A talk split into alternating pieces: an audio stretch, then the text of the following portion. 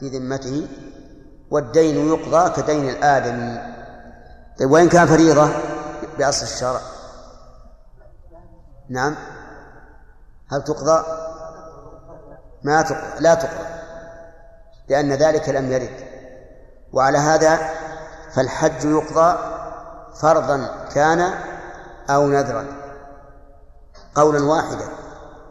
والصوم يقضى إن كان نذرا وإن كان فرضا بأصل الشرع ففيه خلاف. والصلاة لا تقضى قولا واحدا إذا كانت واجبة بأصل الشرع وإن كانت واجبة بالنذر فإنها تقضى على ما قال المؤلف وفهمتم دليله بقي الاعتكاف. الاعتكاف لا يمكن أن يكون واجبا بأصل الشرع وإنما يجب بالنذر فيعتكف عنه ولي فإذا قال الولي أنا لا أعتكف لست ملزوما. فماذا نصنع؟ أو قال لا أصلي. نقول ما في شيء ما في بديل. ما في إطعام لا عن الاعتكاف ولا عن الصلاة. نعم. هذه الدعوة التامة. الصلاة القائمة هذه محمد الوصية والفضيلة وبعث المقام. نعم علي. شيخ ذكرت حديث عائشة في تأخير عن الصيام. نعم. وأنها قالت لا أستطيع أن أقضيه إلا في شعبان أي أنها لا تستطيع شرعا أن تؤخره إلى ما بعد رمضان. لا يمكنها. نعم نعم. المهم أن سبب تأخيرها إلى شعبان لما كانت الرسول صلى الله عليه وسلم. إي نعم.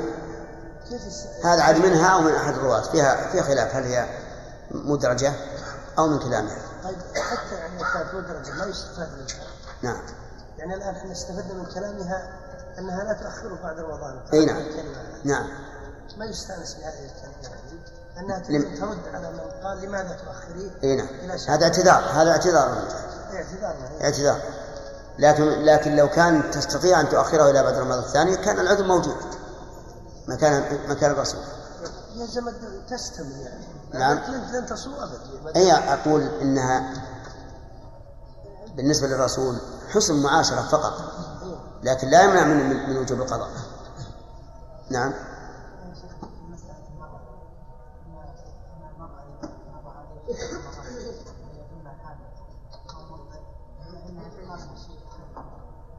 نعم. إذا أيست إذا أيست أما إذا لم تيأس لا تنتظر. ها. ما قضيت؟ طيب.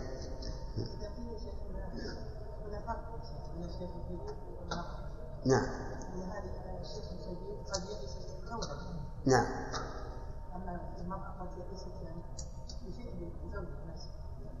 يبون عيال. لكن نقول لا لا, تطلبون الأولاد. شرعا. شرعا. هو صحيح في فرق. إن هي ربما تقدر فيما بعد. ربما لا لا يقدر الله أن تحمل. وتقدر. نعم؟ إي نعم لا هذا لا يرجى زواج. إذا كان امرأة كل سنة تحمل وهي إما حامل ولا مرضع إذا جاء رمضان. تطعم عن كل يوم مسكين. شيخ ذكرت بارك الله فيكم أن من مات يجوز. إيش؟ ذكرتم بارك الله فيكم أن من مات يجوز أن يحج عنه. نعم. نفلا أو فرضا. ما ذكرنا نفله يعني نذرا. إيه قلنا فرضا بأصل الشرع أو نذرا.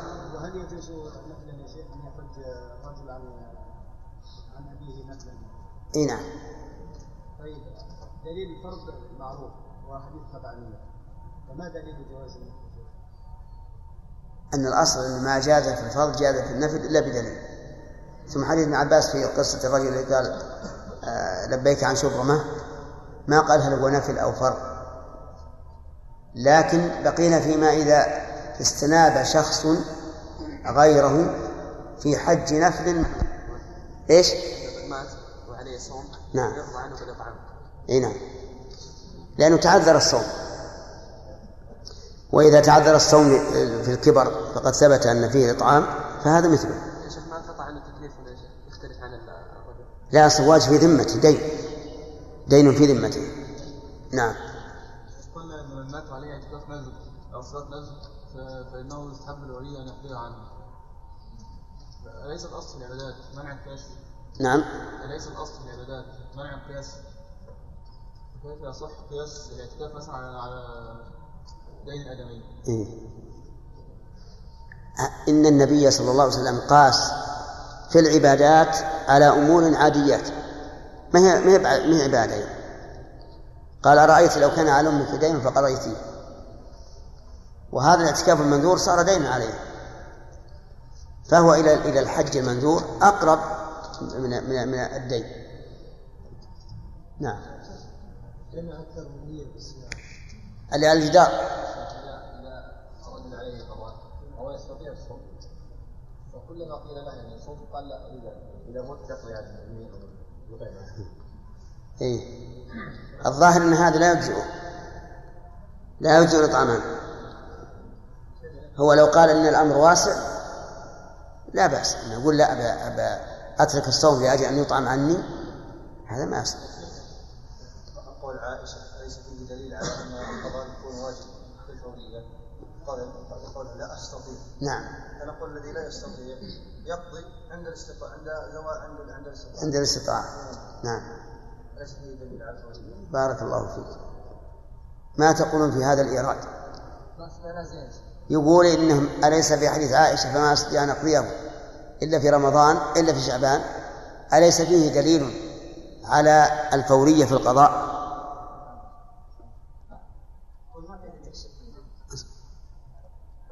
هذا هل هل يرجع علينا هذا؟ لو كان واجبا شرعا ما مكنها الرسول عليه الصلاة والسلام من تركه. اي ما استطاع استطاع بدنيا من أجل مراعاة الرسول عليه الصلاة والسلام من أجل الرسول أي نعم هذا سواء منها أو من, من بعض الرواة.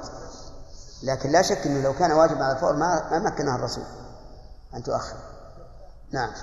بالنسبة للاطعام من اخر الصيام رمضان الآخر ورد عن أبي هريرة وابن عباس ما نقول إن إذا قول الصحابي بأن الطهاره أي نعم بلى. نقول. على على خلاف في هذا لكن نقول إحنا نحن نرى هذا. إلا أن هذا عورض بظاهر النص. وفي احتمال أن يكون على سبيل التطوع مو على سبيل الوجوب زيادة على النص أي زيادة على النص ما نقبل إذا كان الله تعالى ذكر في معرض بيان الواجب أن عليه عدة من أيام أخر ولم يذكر غيرها فنقول ما ورد عن هذين الصحابي الصحابيين ما ورد إنما هو على سبيل الاستحباب إذا صح عنه. مع أن المسألة والله في نفس منها شيء. لا لا لا ما في إجماع. لا ما في إجماع. والإجماع اللي يكون إذا اشتهر القول ولم ينكر.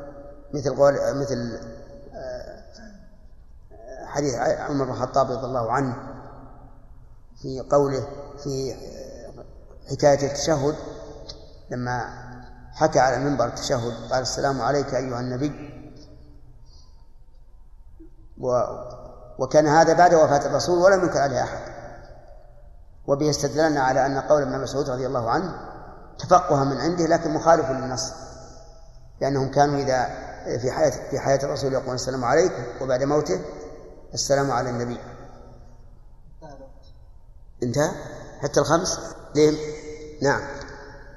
يقول لقد ورد الحديث في قيام الليل وجهت وجهي للذي فطر السماوات والأرض حنيفا وما أنا من المشركين إلى قوله وأنا أول المسلمين. هل يقال وأنا أول المسلمين اقتداء بالرسول أو يقال وأنا من المسلمين؟ الجواب يقال وأنا أول المسلمين كما جاء في الحديث. والأولية هنا ليست أولية زمن إنما هي أولية القياد والمعنى آه، أنني لا أنكر ذلك بل بل أستسلم لله. طيب الباقي نخليه الدرس القادم إن شاء الله. نعم؟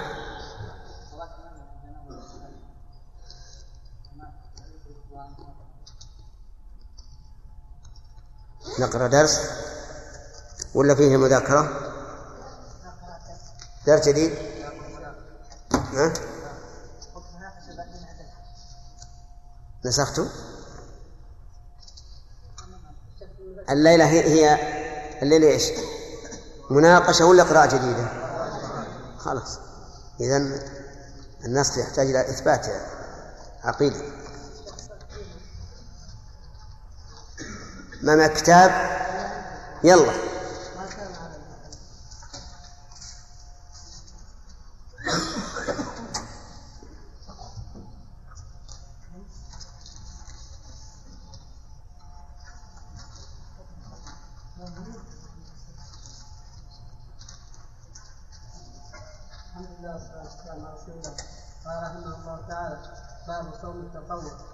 يسن يسن صيام أيام البيض والاثنين والاثنين والخميس وست من شوال وشهر محرم واخره العاشرة ثم العاشره ثم التاسع وتسع وتسع ذي الحجة ويوم عرفة لغير حاج بها وأفضله صوم وأفضله صوم يوم صوم يوم وفطر يوم ويكره إفراد رجب الجمعة والسبت والسبت ويحرم بس بسم الله الرحمن الرحيم. الحمد لله رب العالمين وصلى الله وسلم على نبينا محمد وعلى آله وأصحابه أجمعين.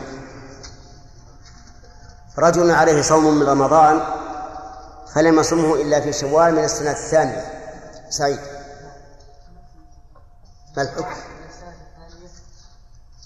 عليه عليه القضاء وعليه الكفار. اذا كانت من السنة الثانية. اي نقول من السنة الثانية. فما الحكم؟ عليه القضاء وعليه الكفار طيب. من يعرف؟ هذا على المذهب. أما على القول على القول الراجح فإنه عليه القضاء عليه القضاء فقط يعني الشرع لم يجب سوى القضاء. نعم. اصبر اصبر اصبر. هذا خطأ. وجواب سعيد خطأ. نعم.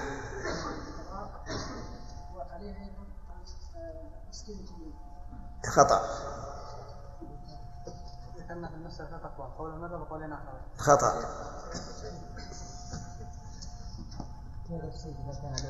نعم. لعذر. نعم. إذا كان بغير عذر نعم. المذهب أنه عليه القضاء والكفارة الراجح أنه فقط عليه القضاء يعني مع الإثم. طيب. هذا هو الصحيح. ولاحظوا يا جماعة أن الشيء الذي يحتاج إلى تفصيل لا بد أن تفصل. حتى يكون الجواب مبنيا على أصل. طيب هلك هالك عن بنت وأخ وعم. عم شقيق. بنت وأخ وعم شقيق. كيف نقسمها؟ خالد. نسأل أولا يا شيخ هذا أخ لأم أم أخ لغير أم؟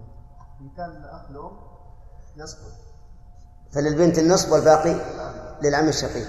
وإن كان الأخ لغير أم يكون يعني أخا شقيقا أب أو لأب فللبنت النصف.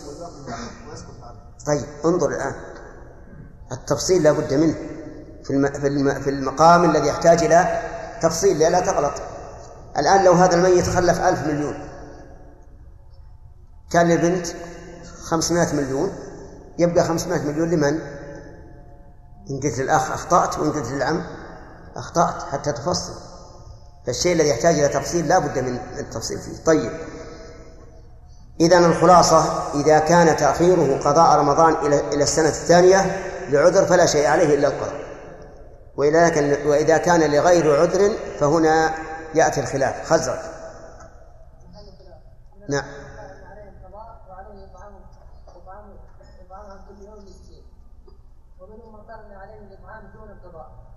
كيف؟ إيه ما أدري. ما ما علمناه لغير القضاء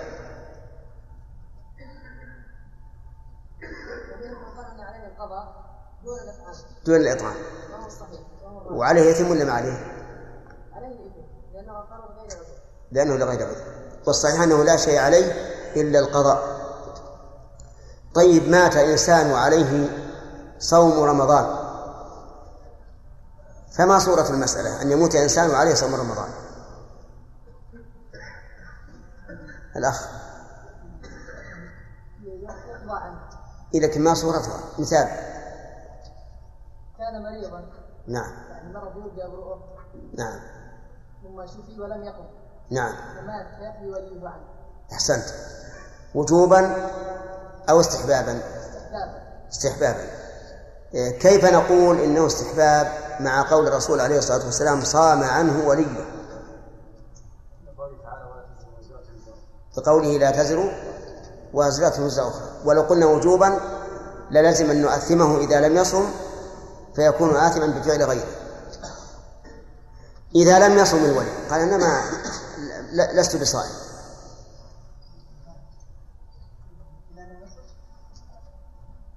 هكذا تروح. إذا لم يصم الولي.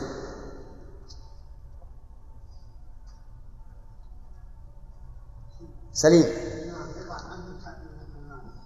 إن كان خلف مالا وجب أن يطعم عنه من تركته لكل يوم مسكين. وإن لم يخلف مالا سقط. صحيح.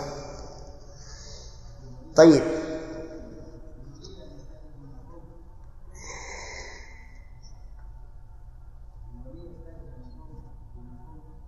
إيش؟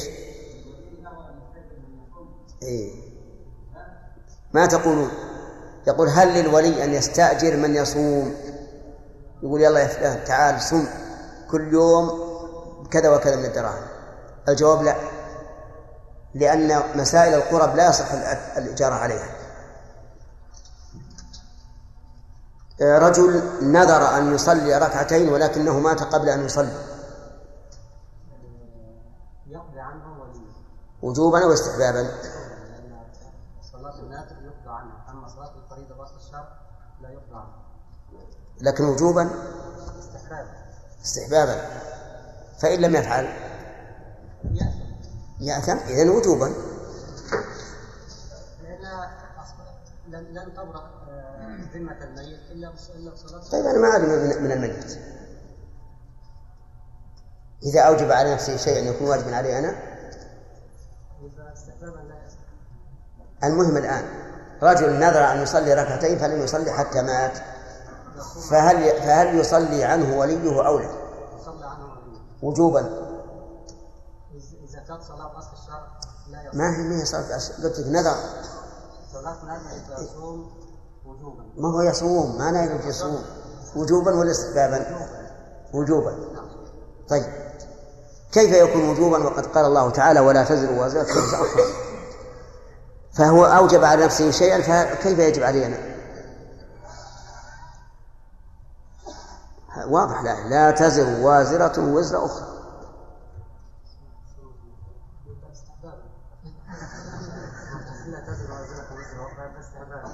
استحبابا؟ طيب ما تقولون؟ طيب ما هو الدليل على استحباب خالد. اي نعم. استحباب قضاء صلاة ركعتين المندورتين لقوله صلى الله عليه وسلم صام عنه ولي من مات وعليه؟ وعليه الصوم صام عنه ولي إحنا الآن في الصلاة. هنا ترى هذه ما ولدت. نعم. قياسا على الصوم. قياس على الصوم. وهل في العبادات القياس؟ إذا مو قال القياس قياسا على الصوم لكن ما في دليل يؤ- يؤيد هذا القياس.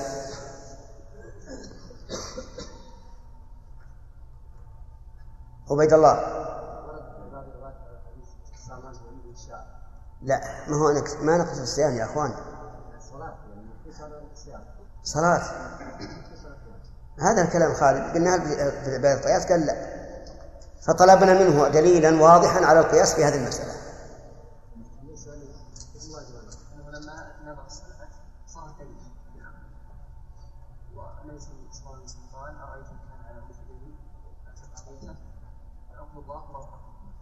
سألت امرأة رسول الله صلى الله عليه وعلى آله وسلم أن أمها نذرت صوم شهر فلم تصم حتى ماتت أفتصوم عنها؟ قال رأيت. لو كان على أمك دين أكنت قاضيته؟ قالت نعم. قال اقضوا الله.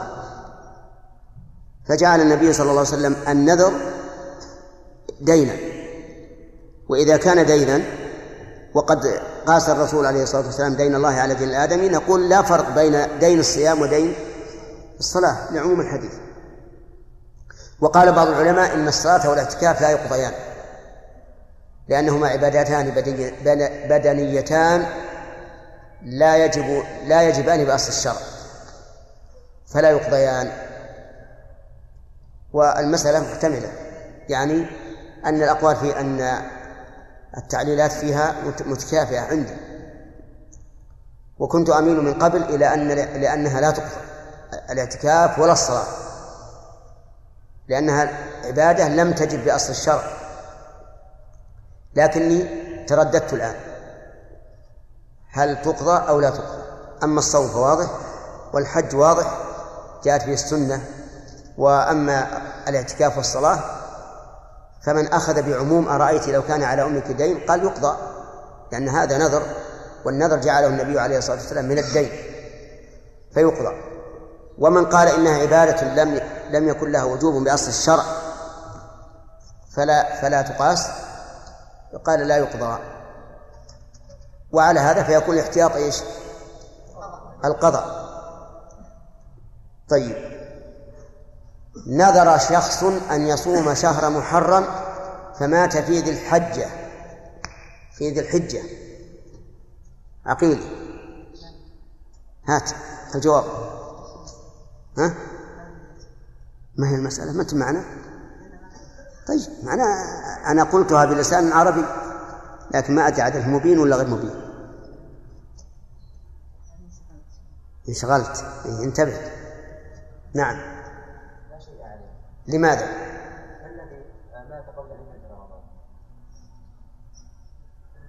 لأنه عين وقتا. إيش؟ لم يدرك رجل نذر أن يصوم شهر محرم ولكنه مات في ذي الحجة فهل يقضى عنه؟ يقول لا؟ لأنه مات قبل أن يدرك زمن الوجوب كمن مات قبل أن يدرك رمضان. آه، نبدأ الآن بصوم التطوع. قال المؤلف رحمه الله تعالى باب صوم التطوع. صوم مضاف والتطوع مضاف إليه. والإضافة هنا لبيان النوع. وذلك أن الصوم نوعان فريضة وتطوع وكلاهما بالمعنى العام يسمى تطوعا فإن التطوع فعل الطاعة لكنه يطلق غالبا على الفعل على الطاعة التي ليست بواجبة وإلا فإن الأصل أن التطوع يشمل الطاعة الواجبة والمستحبة.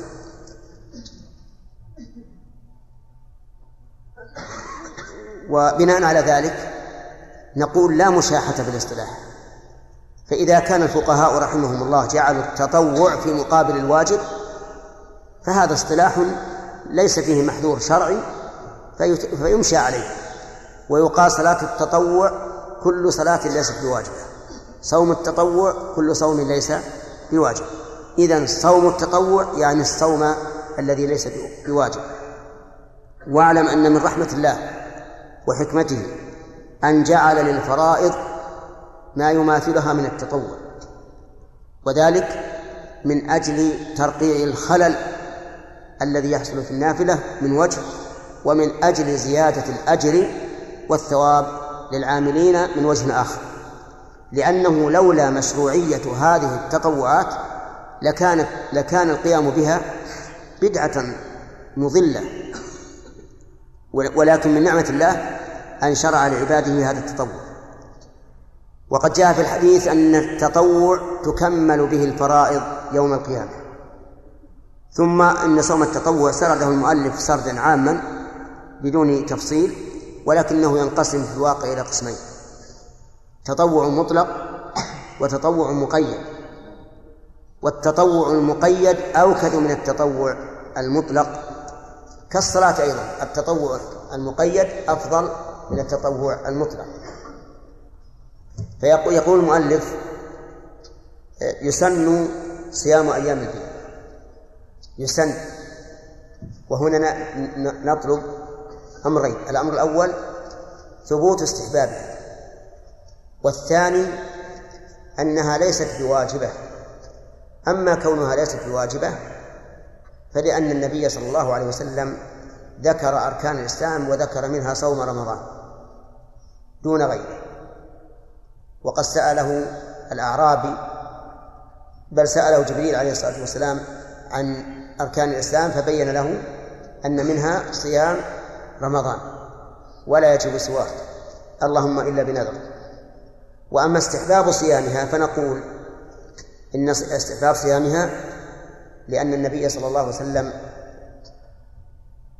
أخبر أو أمر أن يصام اليوم الثاني الثالث عشر والرابع عشر والخامس عشر.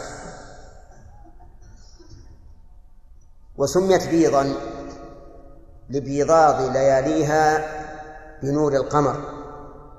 ولهذا يقال أيام البيض يعني أيام أيام الليالي البيض. ما هو البيض وصف للأيام؟ بل وصف لليالي. لأنها بنور القمر صارت بيضاء. أيام البيض هي اليوم الثالث عشر واليوم الرابع عشر واليوم الخامس عشر. وهي تغني عن صيام ثلاثة أيام من كل شهر. الذي قال فيه النبي صلى الله عليه وعلى آله وسلم صيام ثلاثة أيام من كل شهر صوم الدهر كله. صيام ثلاثة أيام من كل شهر صوم الدهر كله. لأن الحسنة بعشر أمثالها فثلاثة أيام بثلاثين حسنة عن شهر. وكذلك الشهر الثاني والثالث فيكون كأنما صام السنة كلها وكان النبي صلى الله عليه وعلى آله وسلم يصوم ثلاثة أيام من كل شهر. تقول عائشة لا يبالي أصامها من أول الشهر أو وسطه أو آخره. فها هنا أمران. الأمر الأول استحباب صيام أيام ثلاثة أيام من كل شهر. سواء في أول الشهر أو وسطه أو آخره وسواء كانت متتابعة أم متفرقة. الثاني أنه ينبغي أن تكون هذه الأيام في أيام البيض. الثالث عشر والرابع عشر والخامس عشر. فتعيينها في أيام البيض كتعيين الصلاة في أول وقتها. يعني أفضل وقت للأيام الثلاثة هو أيام البيض. ولكن من صام أيام الأيام الثلاثة في غير أيام البيض حصل على الأجر وحصل له صيام الدهر. الثاني يقول صوم يوم الاثنين والخميس والاثنين وصوم الاثنين أوكد من صوم الخميس. فيسن للإنسان أن يصوم يومي الاثنين والخميس من كل أسبوع. وقد عي... وقد علل النبي صلى الله عليه وسلم ذلك بأنه بأنهما يومان تعرض فيهما الأعمال على الله عز وجل. قال فأحب أن يعرض عملي وأنا صائم. وسئل عن صوم يوم الاثنين فقال ذاك يوم ولدت فيه وبعثت فيه أو أنزل علي فيه. فبين الرسول عليه الصلاة والسلام أن صيام يوم الاثنين مطلوب. وعلى هذا فيسن صيام يومين من كل أسبوع هما يوم الاثنين والخميس. طيب. نستعرض أيام الأسبوع الآن. صيام يوم الثلاثاء والأربعاء ليس بسنة ولا مكروه. ليس بسنة يعني على التعيين وإلا فهو سنة مطلقة يسن للإنسان أن أن يكثر من الصيام. لكن لا نقول يسن أن تصوم أن تصوم يوم الثلاثاء ولا يسن أن تصوم يوم الأربعاء ولا يكره ذلك. الجمعة لا يسن صوم يوم ولا ولا ويكره أن يفرد بصوم. لقول النبي صلى الله عليه وسلم لا تصوموا يوم الجمعة إلا أن تصوموا يوما قبله أو يوما بعده. ولأنه قال لإحدى أمهات المؤمنين وكانت صامت يوم الجمعة أصمت أمس؟ قالت لا. قال أتصومين غدا؟ قالت لا. قال فأفطري. فدل ذلك على أن يوم الجمعة لا يفرد بصوم. بل قد ورد النهي عن ذلك. فقال رسول الله صلى الله عليه وسلم لا تخصوا يوم الجمعة بصيام ولا ليلتها بقيام. السبت السبت قيل إنه كالأربعاء والثلاثاء يباح. وقيل إنه لا يجوز إلا في الفريضة. وقيل إن إنه يجوز لكن بدون إفراد. والصحيح أنه يجوز بدون إفراد. يعني إذا صمت معه الأحد أو صمت معه الجمعة فلا بأس. وأما الحديث الذي رواه أبو داود لا تصوموا يوم السبت إلا فيما افترض عليكم ولو, ولو لم يجد أحدكم إلا لحاء شجر يعني فليأكل. فهذا الحديث مختلف فيه. هل هو صحيح أو ضعيف؟ وهل هو منسوخ أو غير منسوخ؟ وهل هو شاذ أو غير شاذ؟ وهل المراد بذلك إفراده دون جمعه إلى الجمعة أو الأحد وأصح الأقوال في ذلك أن المنهي عنه هو إفراده. وأما إذا ضم إلى يوم الجمعة أو ضم إلى يوم الأحد أو ضم إليه يوم الأحد فإنه لا كراهة فيه. والدليل ما ذكرته لكم آنفا حيث قال النبي عليه الصلاة والسلام للمرأة أتصومين غدا؟ وش باقي عندنا؟ الأحد. الأحد استحبه بعض العلماء استحب أن يصومه الإنسان وكرهه بعض العلماء. أما من استحبه فقال لأنه يوم عيد للنصارى ويوم عيد يوم, يوم العيد يكون يوم أكل وسرور وفرح فالأفضل مخالفتهم وصيام هذا اليوم. وقال بعض العلماء بل يكره أن يصوم يعني وحده. لماذا؟ قال لأن الصوم نوع تعظيم للزمن.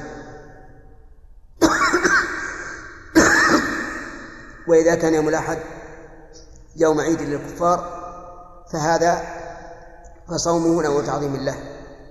ولا يجوز أن نعظم ما يعظمه الكفار على وجه أنه شعير من شعائرهم. فصار الآن الثلاثة والأربعة والأربعاء أو أربعاء حكم صومهما. إيش؟ الجواز. لا يسن تعيينهما ولا يكره. والجمعة والسبت والأحد يكره إفرادها وأما ضمها إلى ما بعدها فلا بأس. وأما الاثنين والخميس فصومهما سنة. قال وصوم الاثنين والخميس وصوم ست من شوال. لقول النبي صلى الله عليه وسلم من صام رمضان ثم أتبعه بست من شوال فكأنما صام الدهر كله. فيسن للإنسان أن يصوم ستة أيام من شوال. قال الفقهاء رحمهم الله والأفضل أن تكون بعد يوم العيد مباشرة لما في ذلك من السبق إلى الخيرات. والأفضل أن تكون متتابعة لأن ذلك أسهل غالبا ولأن فيه سبقا لفعل هذا الأمر المشروع. فعليه يسن أن يصومها في اليوم الثاني من شوال ويتابعها حتى تنتهي. وهي طبعا ستنتهي في اليوم الثامن من شهر شوال. صح؟ في اليوم الثامن نهايتها السابع والثامن إفطار. هذا اليوم الثامن يسميه العامة عندنا عيد الأبرار. عيد الأبرار. يعني الذين صاموا ستة أيام من شوال. ولكن هذا بدعة. فهذا اليوم ليس عيدا للأبرار ولا للفجار. ثم إن مقتضى قولهم أن من لم يصم ستة أيام شوال فليس ليس من الأبرار. وهذا خطأ. الإنسان إذا أدى فرضه فهذا بر بلا شك. وإن كان بعض البر أكمل أكمل من بعض. ثم إن السنة أن يصومها بعد انتهاء رمضان لا قبل. وعلى هذا فمن عليه قضاء. ثم صام الستة قبل القضاء. فإنه لا يحصل على ثوابها. لأن النبي صلى الله عليه وعلى آله وسلم قال من صام رمضان ومن كان عليه شيء منه فإنه لا لا يصح أن يقال إنه صام رمضان بل صام بعضه وليست هذه المسألة مبنية على الخلاف في صوم التطوع قبل القضاء لأن هذا هذا التطوع يعني صوم الست قيده النبي صلى الله عليه وسلم بقيد وهو أن يكون بعد رمضان. وقد توهم بعض الناس فظن أنه مبني على الخلاف في صحة صوم التطوع قبل قضاء رمضان. وأظن أنكم عرفتموه من قبل وأن فيه خلافا وأن الراجح جواز الصوم التطوع وصحته ما لم يضق الوقت عن القضاء. وستة أيام من شوال. و ومما يسن أيضا صيام شهر المحرم. شهر المحرم هو الذي يلي شهر ذي الحجة وهو الذي جعله الخليفة الراشد أمير المؤمنين عمر بن الخطاب أول شهور السنة. وصومه أفضل الصيام بعد رمضان. كما قال النبي عليه الصلاة والسلام أفضل الصيام بعد رمضان شهر الله المحرم. واختلف العلماء رحمهم الله. أيما أفضل شهر المحرم أو شهر شعبان؟ فقال بعض العلماء شهر شعبان أفضل لأن النبي صلى الله عليه وسلم كان يصومه كله أو إلا قليلا منه. ولم يحفظ عنه أنه كان يصوم شهر المحرم لكنه حث على صيامه بقوله إنه أفضل الصيام بعد رمضان. قالوا ولأن. ولأن صوم شعبان ينزل منزلة الراتبة قبل الفريضة. وصوم محرم ينزل منزلة النفل المطلق. ومنزلة الراتبة إيش؟ أفضل من منزلة النفل المطلق. وعلى كل حال فهذان الشهران يسن صومهما شعبان والمحرم. قال وآكده العاشر ثم التاسع. آكده العاشر لأن النبي صلى الله عليه وسلم سئل عن صوم يوم عاشوراء فقال أحتسب على الله أن يكفر السنة التي قبله. فهو آكد من التاسع وآكد من بقية الأيام. ثم يليه التاسع. ثم يليه التاسع لقوله صلى الله عليه وسلم لئن بقيت أو لئن عشت إلى قابل لأصومن لأصومن التاسع يعني مع العاشر. و وهل يكره إفراد العاشر؟ قال بعض العلماء إنه يكره بقول النبي صلى الله عليه وسلم صوموا يوما قبله أو يوما بعده خالف اليهود. وقال بعض العلماء إنه لا يكره ولكنه لا يحصل على الأجر التام إذا أفرده. وإذا صوم العاشر أوكد من التاسع. وأوكد من بقية الأيام. فإن قال قائل ما هو السبب في كون يوم العاشر آكد أيام محرم؟ قلنا السبب في ذلك أنه اليوم الذي نجى الله فيه موسى وقومه وأهلك فرعون وقومه. وفي وفي هذا الحديث الذي قاله الرسول عليه الصلاة والسلام دليل على أن التوقيت كان في الأمم السابقة بالأهلة وليس بالشهور الفرنجية لأن الرسول عليه الصلاة والسلام أخبر بأن اليوم العاشر من محرم هو الذي أهلك الله فيه فرعون وقومه ونجى موسى وقومه. قال وآكد العاشر ثم التاسع ويسن أيضا صوم تسع ذي الحجة. تسع ذي الحجة بالكسر أفصح من الحجة بالفتح والقعدة بالفتح أفصح من القعدة بالكسر. فالقاعدة مفتوحة والحجة مكسورة على الأفصح. تسع ذي الحجة تبدأ من أول يوم من ذي الحجة وتنتهي باليوم التاسع وهو يوم عرفة. ودليل استحبابها قول النبي صلى الله عليه وعلى آله وسلم ما من أيام العمل الصالح فيهن أحب إلى الله من هذه الأيام العشر. والصوم من العمل الصالح. فأما ما روي من أن النبي صلى الله عليه وسلم لم يكن يصوم, يصوم العشر فهذا إخبار الراوي عن عن علمه. وقول الرسول مقدم على شيء لم يعلمه الراوي. وقد رجح الإمام أحمد رحمه الله أن النبي صلى الله عليه وسلم كان يصوم العشر عشر ذي الحجة. فإن ثبت هذا فهو المطلوب وإن لم يثبت فإن صيامها داخل في عموم الأعمال الصالحة التي قال فيها الرسول عليه الصلاة والسلام ما من أيام العمل الصالح فيهن أحب إلى الله من هذه الأيام العشر. قال وآكده يوم عرفة. آكده أي آكد تسع الحجة صيام يوم عرفة. نعم لا موجود. وآكده يوم عرفة لغير حاج بها. متى؟ ها؟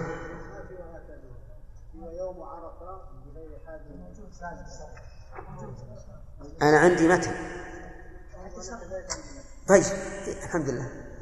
آكده يوم عرفة لغير حاج بها. يوم عرفة هو اليوم التاسع. وإنما كاد وإنما كان آكد أيام العشر لأن النبي صلى الله عليه وعلى آله وسلم سئل عن صوم يوم عرفة فقال أحتسب على الله أن يكفر السنة التي قبله والسنة التي بعده. وعلى هذا فصوم يوم عرفة أفضل من صوم عاشوراء. لأن صوم عاشوراء قال فيه الرسول صلى الله عليه وعلى آله وسلم أحتسب على الله أن يكفر السنة التي قبله فقط. أما هذا فقال السنة التي قبله والتي بعده لغير حاج بها. أما الحاج فإن فإنه لا يسن أن يصوم يوم عرفة يوم عرفة لأن النبي صلى الله عليه وسلم نهى عن صوم يوم عرفة بعرفة. وهذا الحديث في صحته نظر لكن يؤيده أن النبي صلى الله عليه وسلم شك الناس في صوم يوم عرفة فأرسل إليه بقدح من لبن فشربه ضحى يوم عرفة والناس ينظرون إليه حتى يتبين أنه لم لم يصم.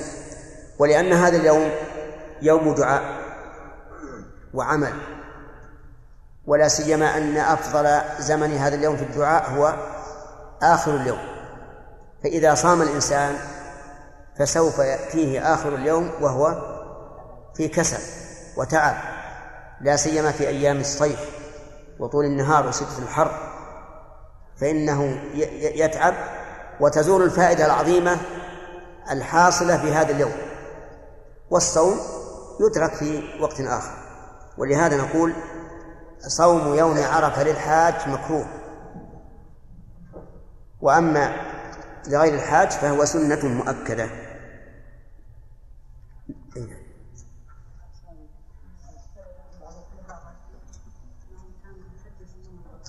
نعم. وهو؟ نعم.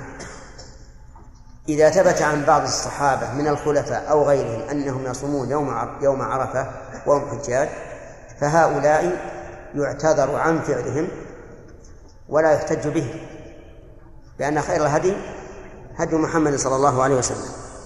سامح؟ نعم لها احترازي أم أغلبي لا. هذا أغلبي. يعني لو فرض أن الحاج آه، لم يتمكن من الوقوف يوم عرفة في النهار فلا يسن له الصيام. لا يسن له الصيام. نعم. إيش؟ لا بأس لكن ما ما يثاب على على ذلك ثواب أيام. يعني لو صام ثلاثة أيام في أول الشهر فإنه لا يحصل على أجر صيام أيام البيض لكن يحصل على أنه صام ثلاثة أيام من كل شهر. شيخ بارك الله فيك. ما تقولون في قول السادة المالكية بالنسبة للست من أيام صيام الست من أيام شوال آه، يصام يصام مرة ولا تصام أخرى؟ سدا للذريعة يظن أنها واجب نعم. أولا تخصيصك كلمة السادة بالمالكية تحتاج إلى المناقشة نعم ما تقول السادة المالكية ما جوابكم عن قول السادة المالكية. فلماذا وصفتهم بالسادة المالكية؟ وغيرهم سادة كذلك. نعم نعم. هذا كلام يؤخذ من من فتاوى شيخ الإسلام ابن تيمية. أنا أقول لماذا خصت المالكية؟ ولو قلت ولو كان سؤالي عن الأحناف لقلت السادة الأحناف. أي طيب. لا بأس. طيب لا شك أن الفقهاء والعلماء سادة البشر. نعم. أقول أن هذا القول مرجوح لأن ترك السنن خوفا من أن يظن أنها واجبة. لو كانت هذه القاعدة يعني قاعدة سليمة لكان كل السنن تترك خوفا من أن تكون واجبة. لكن يبين للناس أنها ليست بواجبة وتفعل نعم. نعم. نعم. إفراده مكروه لئلا لئلا يفتخر ال- النصارى بتعظيمنا له. إيش؟ اي والله الظاهر إن شاء الله أنه لا لي- ليس بمكروه. وأن صوم يوم قبله ويوم بعده على سبيل الاستحباب فقط. لا عاشوراء.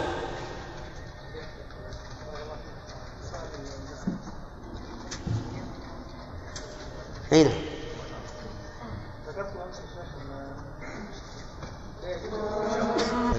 والفضيلة والبث مقام نعم. أفرده لا على وجه التعظيم هل؟ ولو يقصد التعظيم اي نعم.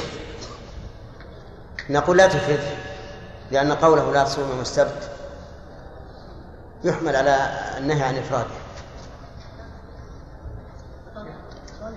ها؟ إيش تسأل؟ ذكرت في إي نعم. انه لا يجوز الخروج عن الامام الا بشروط نعم.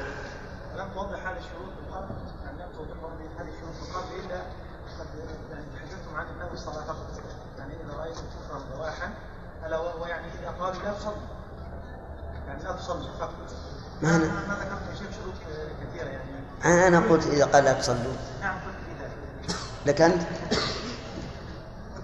يعني إذا قالوا لا تصلوا هذا كفر بواحا نعم. ما أدري. يعني يعني. طيب إذا إذا ذكرت لك الشروط هل ستخرج على الإمام؟ لا ما في شروط أخرى. ها. ما شروط. إيش الشروط اللي عندك؟ يعني اللي عندي إذا رأيت كفرا بواحا فإذا كمان يعني آه، إذا الانسان إذا رأينا ذلك ويجب الخروج على هذا فنرى هل نحن هل نحن قوة وشوكتنا قوية؟ حتى نخرج على ما ذكرنا هذا؟ ها؟ نعم ذكر طيب إيش؟ لا أنا أريد الإمام شروط الامام يخرج عليه. يعني إذا رأيت كفرا بواحد ما هو يعني شروط هذه؟ الكفر معروف. مثل أن أن أن ينكر وجود الله مثلا. يمكن يعني يمكن نفرض انه ينكر وجود الله ولكن بطريق غير مباشر. وش عن طريقة المباشرة؟ يعني الرجل يقول إن الشريعة الإسلامية ليست لها مكان ألا وهي الوضعيه مثلا هي لا هو ما أنكر وجود الله هذا ما أنكر وجود الله. ما قلت ذلك يعني بقول انه على كل حال لابد من كفر بواح صريح. أريد يا شيخ أن أفهم يعني السؤال يعني يشكل علي. حتى لو فهمت بارك الله فيك ما يمكن تخرج على الإمام ما ما ما أتكلم لين اخرج أنا ما يستطيع أن يفعل شيء. ولكن هذا علم حتى العلم لا- لازم من أن, أن نرى. فلا يكفي الظن. كفرا فالفسوق لا يوجب الخروج عليه. بل لا يبيح الخروج على الإمام إذا كان فاسق. بواحا يعني لا, لا تأويل فيه. فإن كان فيه تأويل بأن قال الإمام أنا أرى أن مسائل الدنيا ما نرجع فيها للشر لأن الرسول صلى الله عليه وسلم قال أنتم أعلم بأمور دنياكم. هذا له تأويل. عندنا فيه, فيه فيه من الله برهان يعني معنى عندنا دليل قاطع على أن هذا العمل الذي قام به هذا الإمام كفر. بقي الشرط الشرط ال- وجوب الخروج هو القدرة والاستطاعة. هذا معلوم. وجوب الخروج هذا معلوم. إيه خلاص. فالشروط الأربعة لجواز الخروج. والشرط الخامس لوجوب الخروج. نعم. معلش ها. آه، يعني ما عليك كل راح كل خمس دقائق لك. لا يعني أمر الكلمة يا شيخ الكلمة. هل هل يعني ممكن الإنسان يكفر بكلمه؟ إيش؟ يعني ممكن الإنسان يكفر بكلمه؟ إيه يمكن. إذا قال لا وجود إن الله ليس بموجود مثل والعياذ بالله فقط هذا لا هذا مثال هذا مثال مثال. رجل قال يعني مثلا ليس للشريعه الإسلامية مكان؟ ما حد يقول ليس للشريعة مكان يعني حتى في في في العبادات أو في الأمور الاقتصادية. لا في مش مش مكان الاعداد في الأمور التي تحكم بين ليس لها حكم نعم. الأمور اللي يتحكم فيها الناس بعضهم. هذا ما هو بواحد لأنه بعض العلماء يقول ما هو بعض العلماء يعني بعض الناس اشتبه عليه قوله أنتم أعلم بأمور دنيا- دنياكم بأن المراد كل ما يتعلق بالدنيا فما فهو, فهو نعم ما المقصود في حديث عرض الاعمال على الله يومئذ كان المقصود بعرض الاعمال المقصود بعرض الأعمال كما قال الرسول تعرض على الله سبحانه وتعالى فيغفر الذنب ويزيد في الثواب ويرضى عن العبد الذي عمل بطاعته وما أشبه ذلك ها؟ إيه. نعم. فيه خلاف. وش عندك أنت؟ التي كانت تريد ان يوم الجمعه الصيام نعم. قال لها الرسول صلى الله عليه وسلم نعم.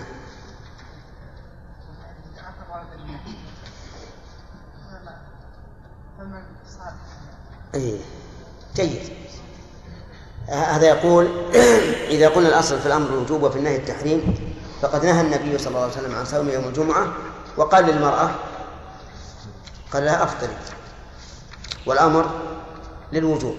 فالعلماء قالوا يدل على أن النهي ليس بالتحريم وأن الأمر الاستحباب أنه جاز صومه بضمه إلى غيره. ولو كان صومه حراما لم يجز بضمه إلى غيره بدليل أن يوم العيد لو صامه الإنسان مضموما إلى غيره لم يجز هذا هذا اللي عندهم الصرافة نعم. سعود؟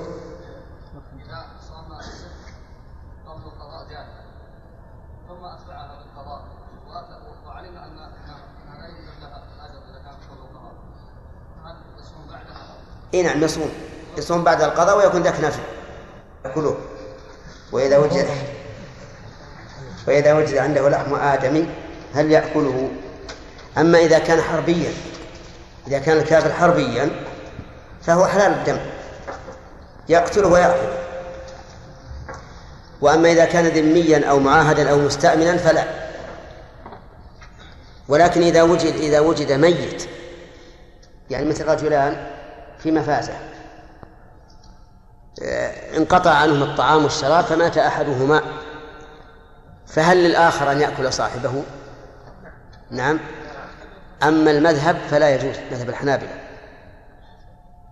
يقول لأن النبي صلى الله عليه وعلى آله وسلم قال كسر عظم الميت ككسره حيا فحرمة الميت كحرمة الحي.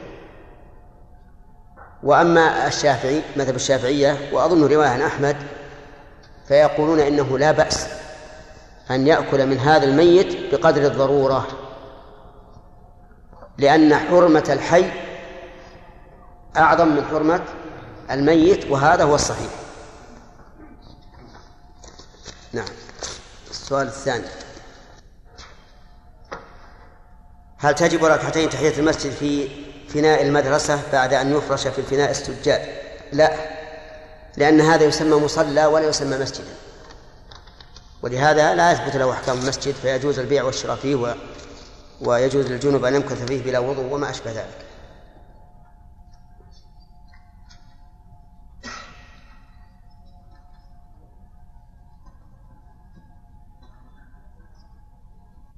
يقول ذكرتم بالأمس أن سبب القتال بين جيش علي وجيش معاوية رضي الله عنهما ان أن الجيش نفسه أن سببه من الجيش نفسه. فما صحة من يقول إن الجيشان إن الجيشان هكذا عبر. ما أدري عنه على لغة من يلزم المثنى الألف مطلقا أو هو لحن. وش تقول؟ إيه، بارك الله فيك. اذا الصواب أن الجيشين كان سيصطلحان فيما بينهما ولكن بعض الذين في قلوبهم مرض ألبوا القتال في الليل. ما ما ما يبعد هذا. ولكن الذين ألبوه من الجيش بمعنى أنه ليس من القوات.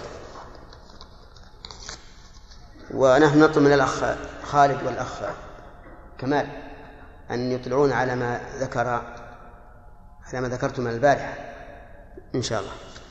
ثلاثة أسئلة.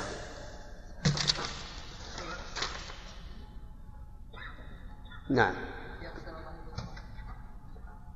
نعم. ذكر رحمه الله بمناسبة ما ذكره بعض الأخوة في الدرس السابق نعم. أن بعض الخلفاء الراشدين صام في يوم عرفة. نعم. يقول أن عمر رضي الله عنه أخبر بأنه حج مع النبي صلى الله عليه وسلم وأبي بكر وعمر وعثمان فلم يصم أحد منهم بعرفة. نعم. ذكره عنه أي وش الإشكال؟ الإشكال أحد الأخوة قال أنهم صاموا في عرفة. ما سمعت. أحد قال؟ ما سمعت. ما سمعت. ما سمعت. أنه صام بعرفة أنهم صاموا في عرفة. أحد الخلفاء؟ بعض الخلفاء الراشدين. وابن عمر يقول بأنهم ما ذكره والله هذا هو الظاهر أن الرسول أعلن الفطرة أمام الناس ما يمكن يصوم الخلفاء الراشدين. على كل حال هذه أسئلة ما هي يعني ذات أهمية. تسميع ولا درس جديد؟ طيب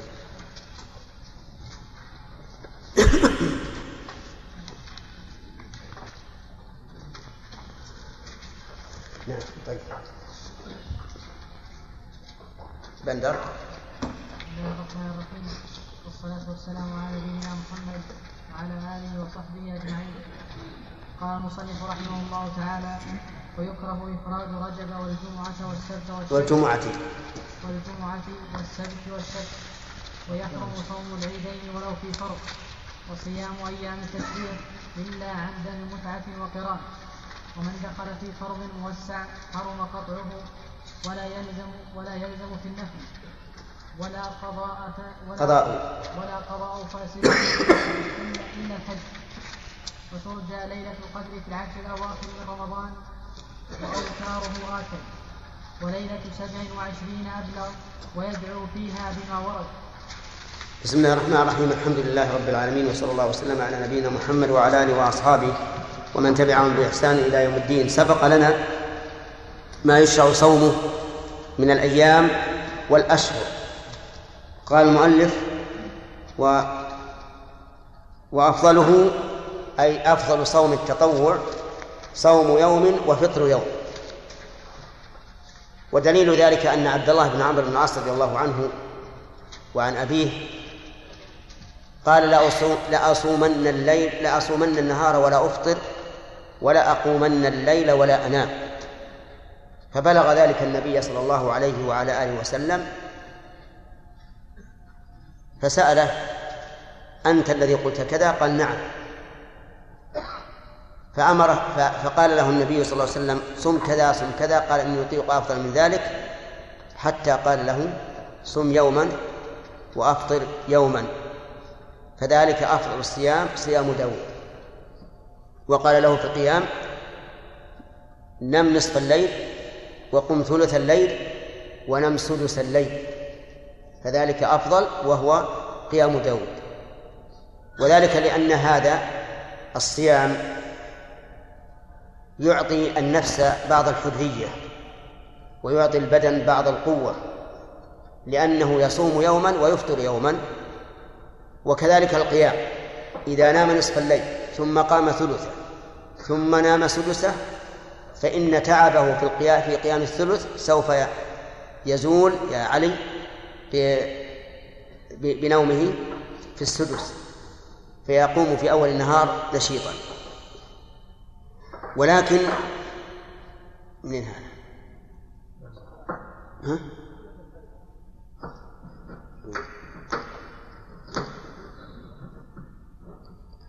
ولكن هذا مشروط أي صوم يوم وفطر يوم بما مشروط بما إذا لم يضيع ما أوجب الله عليه فإن ضيع ما أوجب الله عليه كان هذا منهيا عنه لأنه لا يمكن أن تضاع فريضة من أجل نافلة فلو فرض أن هذا الرجل إذا صام يوما وأفطر يوما تخلف عن الجماعة في المسجد لأنه يتعب في آخر النهار ولا يستطيع أن يصل إلى المسجد فنقول له لا تفعل. لأن إضاعة الواجب أعظم من إضاعة المستحب. هذا مستحب لا تأتم بتركه فاتركه. كذلك لو فرض أنه لو صام يوما وأفطر يوما انشغل بذلك عن مؤونة أهله الذين تلزمهم مؤونته. يعني انقطع عن البيع والشراء انقطع عن العمل فإننا نقول له لا تفعل. لأن القيام بالواجب أهم من القيام بالتطوع. وقد التزم عبد الله بن عمرو بذلك حتى كبر فتمنى أنه قبل رخصة النبي صلى الله عليه وسلم. أن يصوم من كل شهر ثلاثة أيام حتى إنه اجتهد رضي الله عنه وصار يصوم خمسة عشر يوما متتابعة ويفطر خمسة عشر يوما متتابعة. ويرى أن هذا بدلا عن أن هذا بدل عن صيام يوم وإفطار يوم. لكن مع ذلك تمنى أن يكون قبل رخصة النبي صلى الله عليه وعلى آله وسلم. ونأخذ من هذا فائدة وهي أن الإنسان لا يقيس نفسه في مستقبله على حاضره فقد يكون الإنسان في أول العبادة نشيطا يرى نفسه أنه قادر ثم بعد ذلك يلحقه الملل أو يلحقه ضعف وتعب ثم يندم. لهذا ينبغي للإنسان أن يكون عمله قصدا. ولهذا قال النبي عليه الصلاة والسلام مرشدا أمته قال اكلفوا من العمل ما تطيقون. يعني لا تكلفوا أنفسكم. وقال القصد استعينوا بالغدوة والروحة وشيء من الدلجة والقصد القصد تبلغ وقال إن المنبت لا أرضا قطع ولا ظهرا أبقى. المنبت الذي يسير ليلا ونهارا فهذا لا أرضا قطع ولا ظهرا أبقى. فالإنسان ينبغي له أن أن يقدر المستقبل.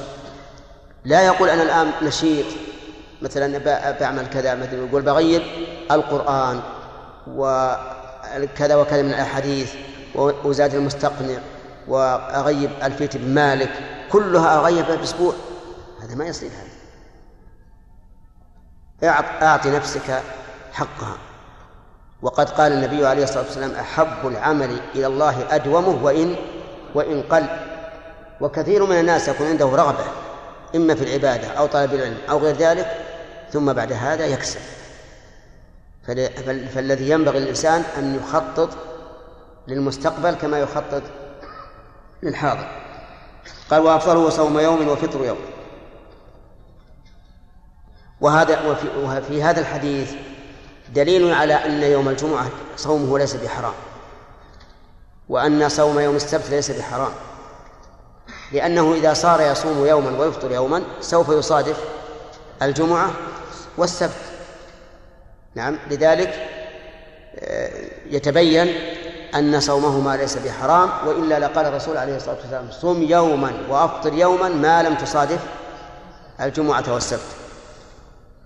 ثم قال ويكره إفراد رجب بالصوم.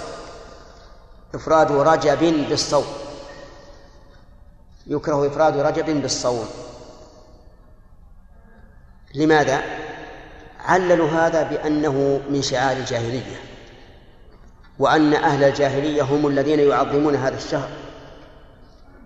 وأما السنة فلم ترد في تعظيمه ولهذا قال قالوا إن كل شيء كل أحاديث تروى في فضل صومه أو الصلاة فيه فكذب باتفاق أهل العلم بالحديث.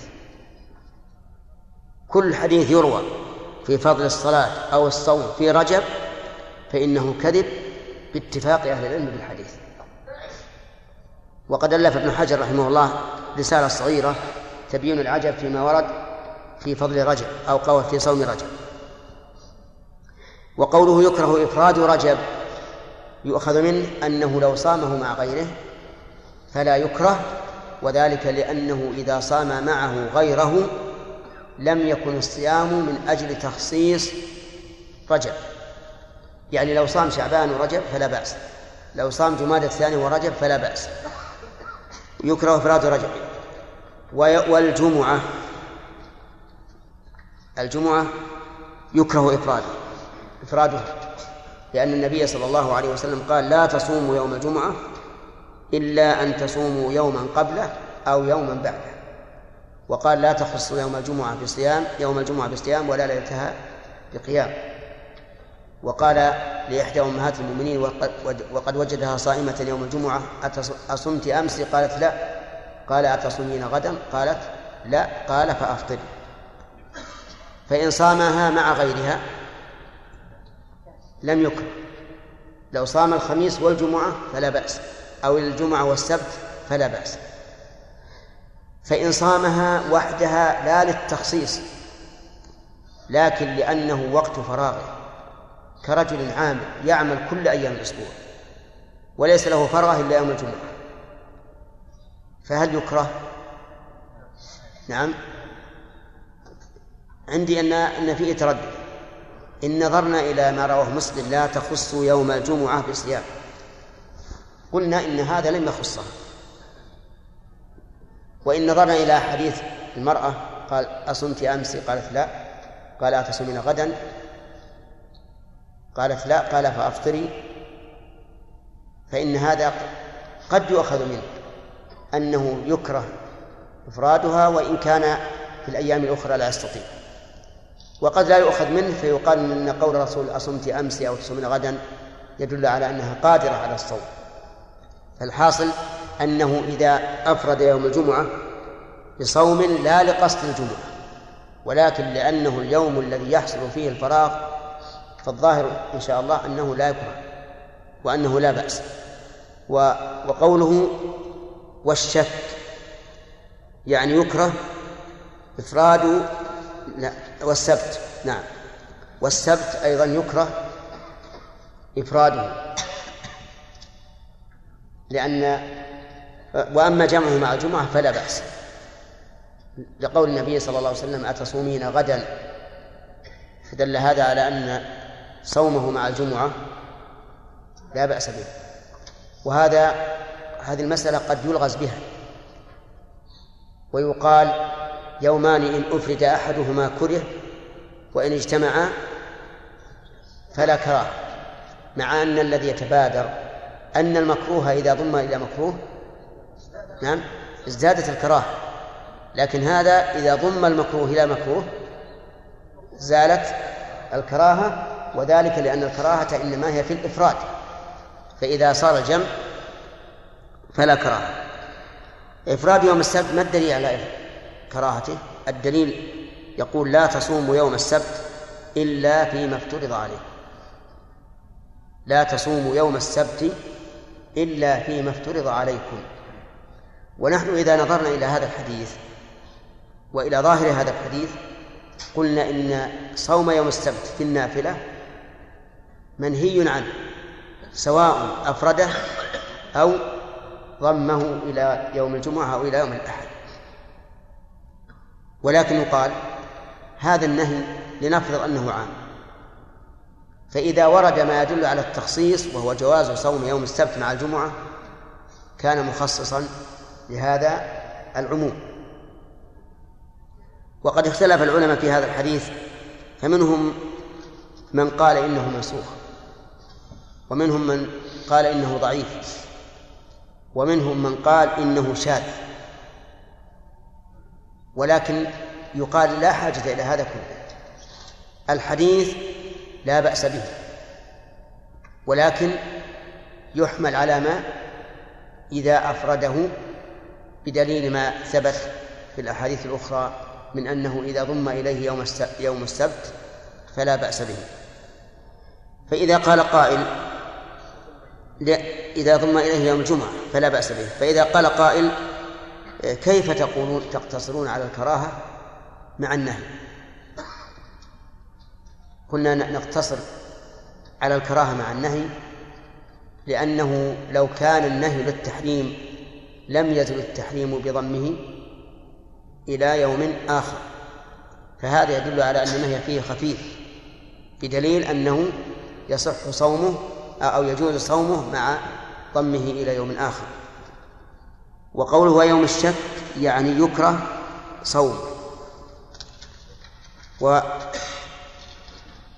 الآن ما هو يوم الشك؟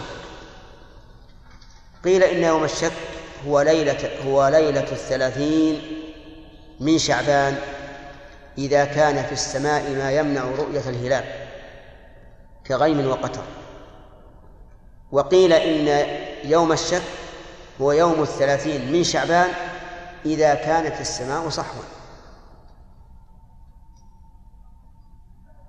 وأيهما أقرب؟ الأول أقرب. لأنه إذا كانت السماء صحوا وتراءى الناس الهلال ولم يروه لم يبقى عندهم شك أنه لم يهل. الشك يكون إذا كان هناك ما يمنع رؤية الهلال.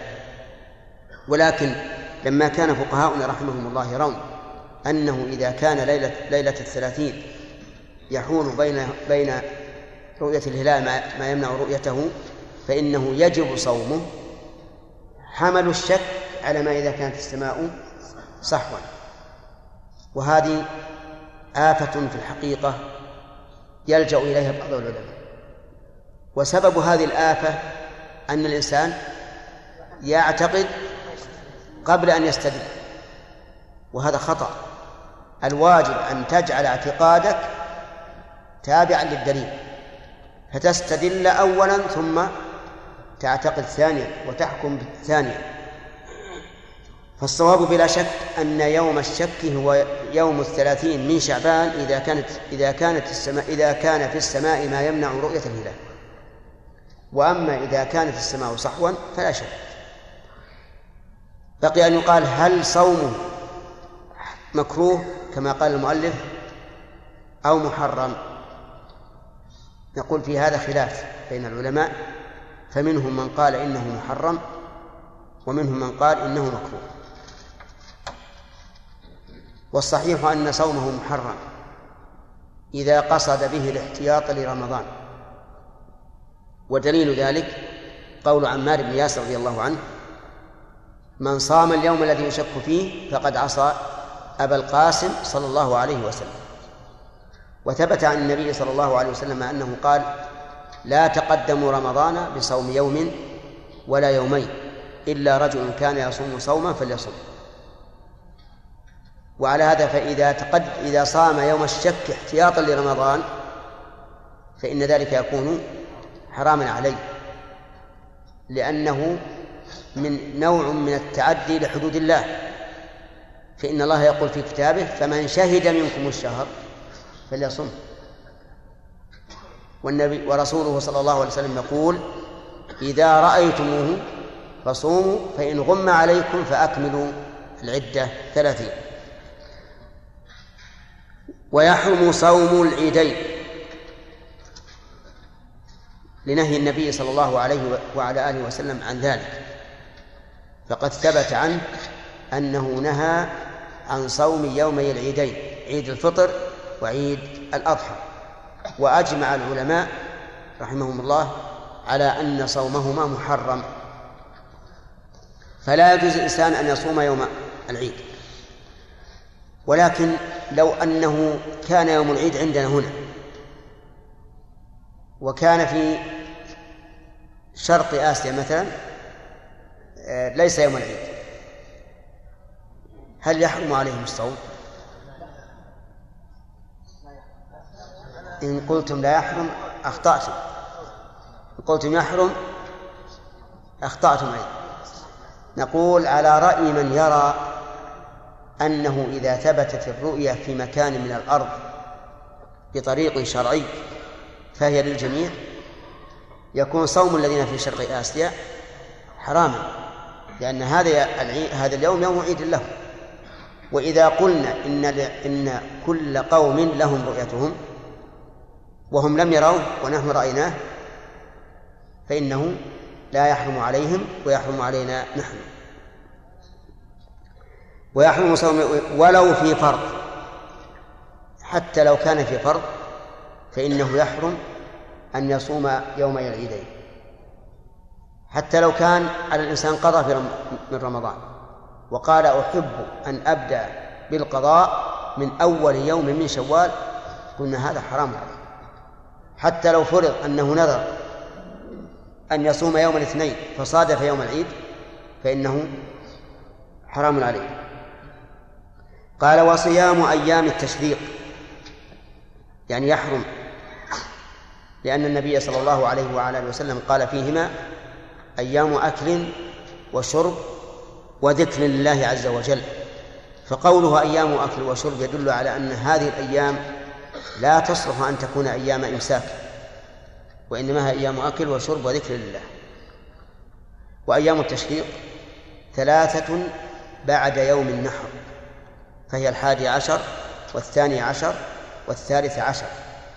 وهذه الأيام الثلاثة تسمى أيام التشريق لأن الناس كانوا يشرقون فيها اللحم. ومعنى يشرقونه؟ أي يقددونه ثم ينشرونه في الشمس من أجل أن ييبس حتى لا يعفن ويفسد فلهذا سميت أيام التشريق. قال إلا عن دم متعة وقران يعني فيصح كيف دم المتعة والقران؟ إذا حج الإنسان وكان متمتعا والمتمتع هو الذي يأتي بالعمرة أولا ثم يحل ويأتي بالحج بعد ذلك. فعليه الهدي فإن لم يجد فصيام ثلاثة أيام في الحج وسبعة إذا رجع. القارن كالمتمتع وهو الذي يحرم بالعمرة والحج جميعا فيقول لبيك عمرة وحجا أو يحرم بالعمرة أولا ثم يدخل الحج عليها قبل الشروع في طوافها فهو أيضا قارن وعليه الهدي فإن لم يجد فصيام ثلاثة أيام في الحج وسبعة إذا رجع من الحج. المت... دم المتعة والقران إذا لم يجدهما الحاج. فإنه يصوم ثلاثة أيام في الحج. وسبعة إذا رجع. فمتى تبتدئ هذه السبع الأيام الثلاثة؟ تبتدي من حين الإحرام بالعمرة. حتى ولو كان قبل شهر ذي الحجة. إذا كان متمتعا وأحرم بالعمرة في آخر ذي القعدة وهو يعلم أنه لن يجد الهدي لأنه ليس معه دراهم. فله أن يصوم. فإن قيل كيف يصوم في العمرة والآية الكريمة يقول الله فيها ثلاثة في الحج.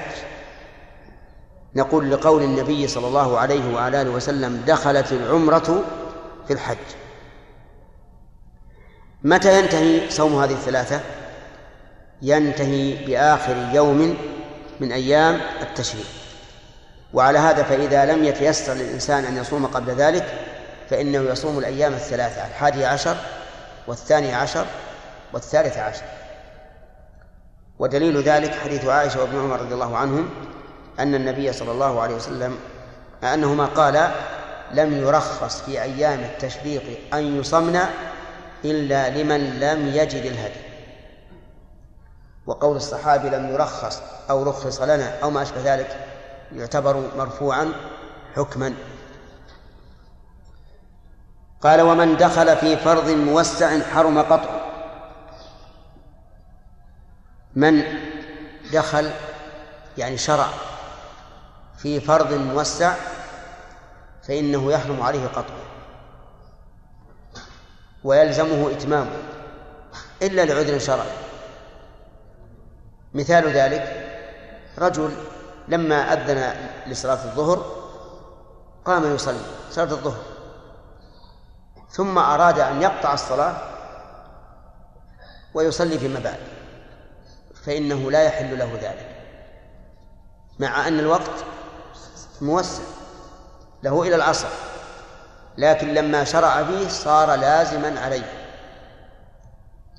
فلا يحل له قطعه لوجوب المضي فيه لأنه واجب شرع فيه وشروعه فيه يشبه النذر فيلزمه أن يتم. وإن دخل في فرض مؤقت مضيق حرم قطع من باب أولى. فلو دخل في الصلاة ولم يبق من الوقت إلا مقدار ركعات الصلاة حرم عليه القطع من باب أولى. لأنه إذا حرم القطع في الموسع ففي المضيق من باب أولى. طيب. لكن استثنينا ما ما إذا كان لضرورة. مثل أن يشرع الإنسان في الصلاة ثم يضطر إلى قطعها لإطفاء حريق أو صد غرق أو ما أشبه ذلك ففي هذه الحال له أن يقطع الصلاة. وهل يجوز أن يقطع الفرض ليأتي بما هو أكمل؟ مثل أن يشرع في الفريضة في الصلاة ثم يحس بجماعة دخلوا ليصلوا جماعة. فهل له أن يقطع الصلاة هنا من أجل أن يدخل في الجماعة؟ الجواب نعم. له له ذلك. لأن هذا الرجل لم يعمد إلى معصية الله ورسوله بقطع الفريضة ولكنه قطعها ليأتي بها على وجه على وجه أكمل. فهو لمصلحة الصلاة في الواقع.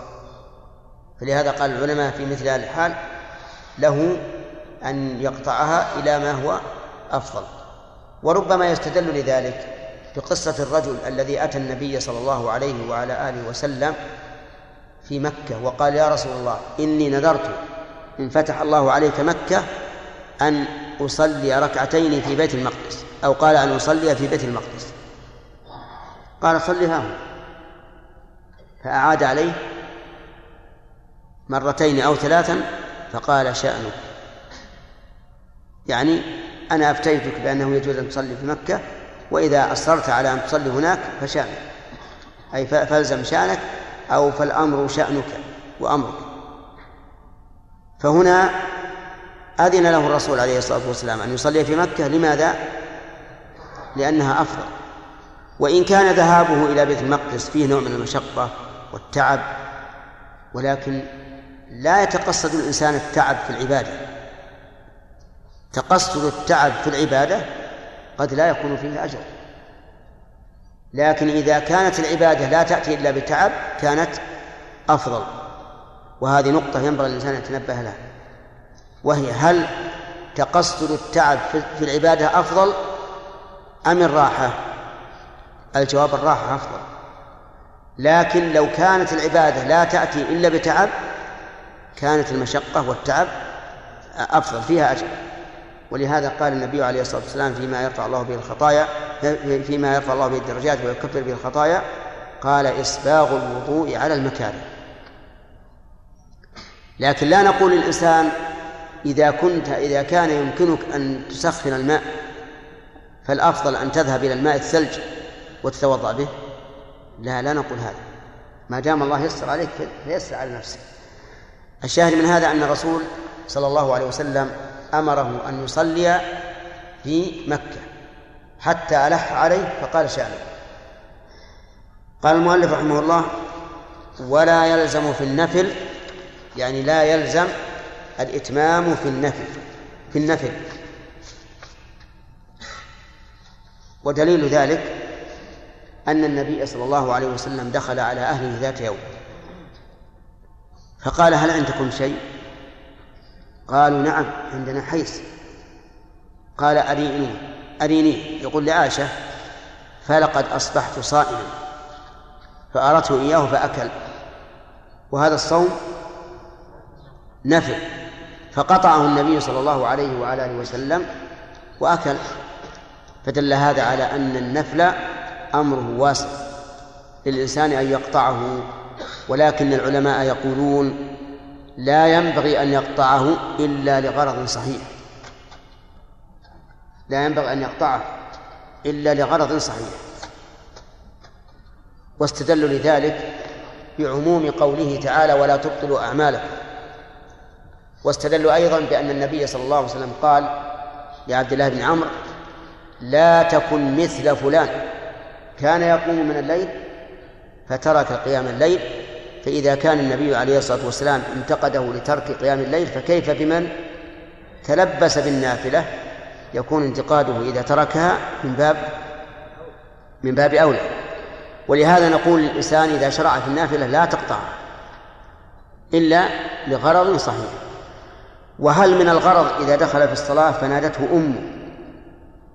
هل من الغرض الصحيح أن يرد عليها فيقطع الصلاة. إي نعم نافلة نافلة. نعم. مطلقا. إيه. أو في التفصيل. نعم. طيب نقول فيه تفصيل إذا كانت الأم إذا علمت أنه في صلاة لا ترضى أن يقطعها. وأحب إليها أن لا يقطعها وأن يمضي في صلاته ولا يؤثر عليها شيئا ولا يكون في قلبها شيء عليه فهنا لا يقطعها. لأنه ربما لو قطعها مثلا لو قطع الصلاة وقال لأمي قطعت الصلاة من أجله قالت ليش تقطع هذا لا نقول اقطع الصلاة. أما إذا كانت ممن لا يعذر في مثل هذه الحال لأن يعني بعض النساء بل بعض الآباء لا يعذر في مثل هذه الحال. ففي هذه الحال نقول اقطعها طيب لو ناداه الرسول صلى الله عليه وسلم.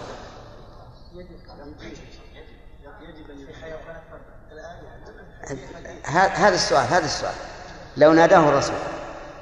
نقول أما هذه المسألة الآن فلا ترد لكن مسألة يعني فرضها نظريا وعلميا نقول يجب عليه أن يقطع الصلاة. لقول الله تعالى يا أيها الذين آمنوا استجيبوا لله وللرسول إذا دعاكم لما يحييكم. لكن لو قال قائل من الآية فيها إذا دعاكم لما يحييكم فلا بد أن نعلم أنه دعانا لشيء ينفعنا. فالجواب أن هذا القيد ليس قيد احتراز ولكنه قيد لبيان الواقع. فإن الله ورسوله لا يدعواننا إلا لما فيه حياتنا نعم. ويحرم صوم العيدين ولو في فرض يعني هذه إشارة إلى خلاف في صيام العيدين ما أدري هل فيها خلاف أو رفع توهم. أو رفع توهم.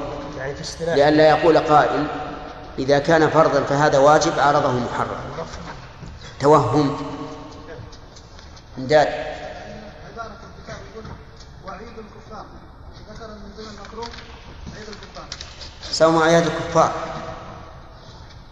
صوم أعياد الكفار اختلف فيه الفقهاء.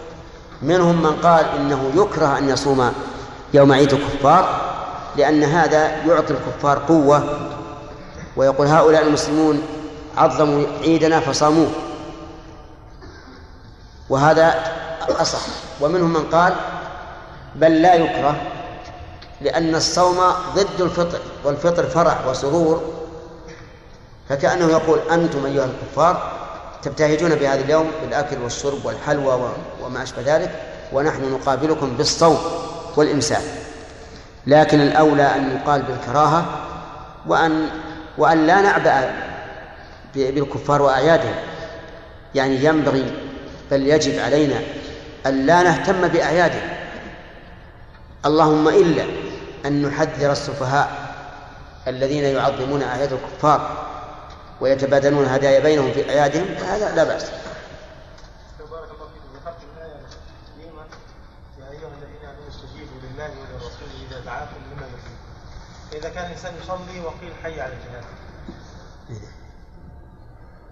اي نعم هذا يمكن يصلي ويمشي ما هي مشكلة. يعني لا حي على الجهاد لا يركب ركب إيه، يلحقهم. إذا إذا كان فرض.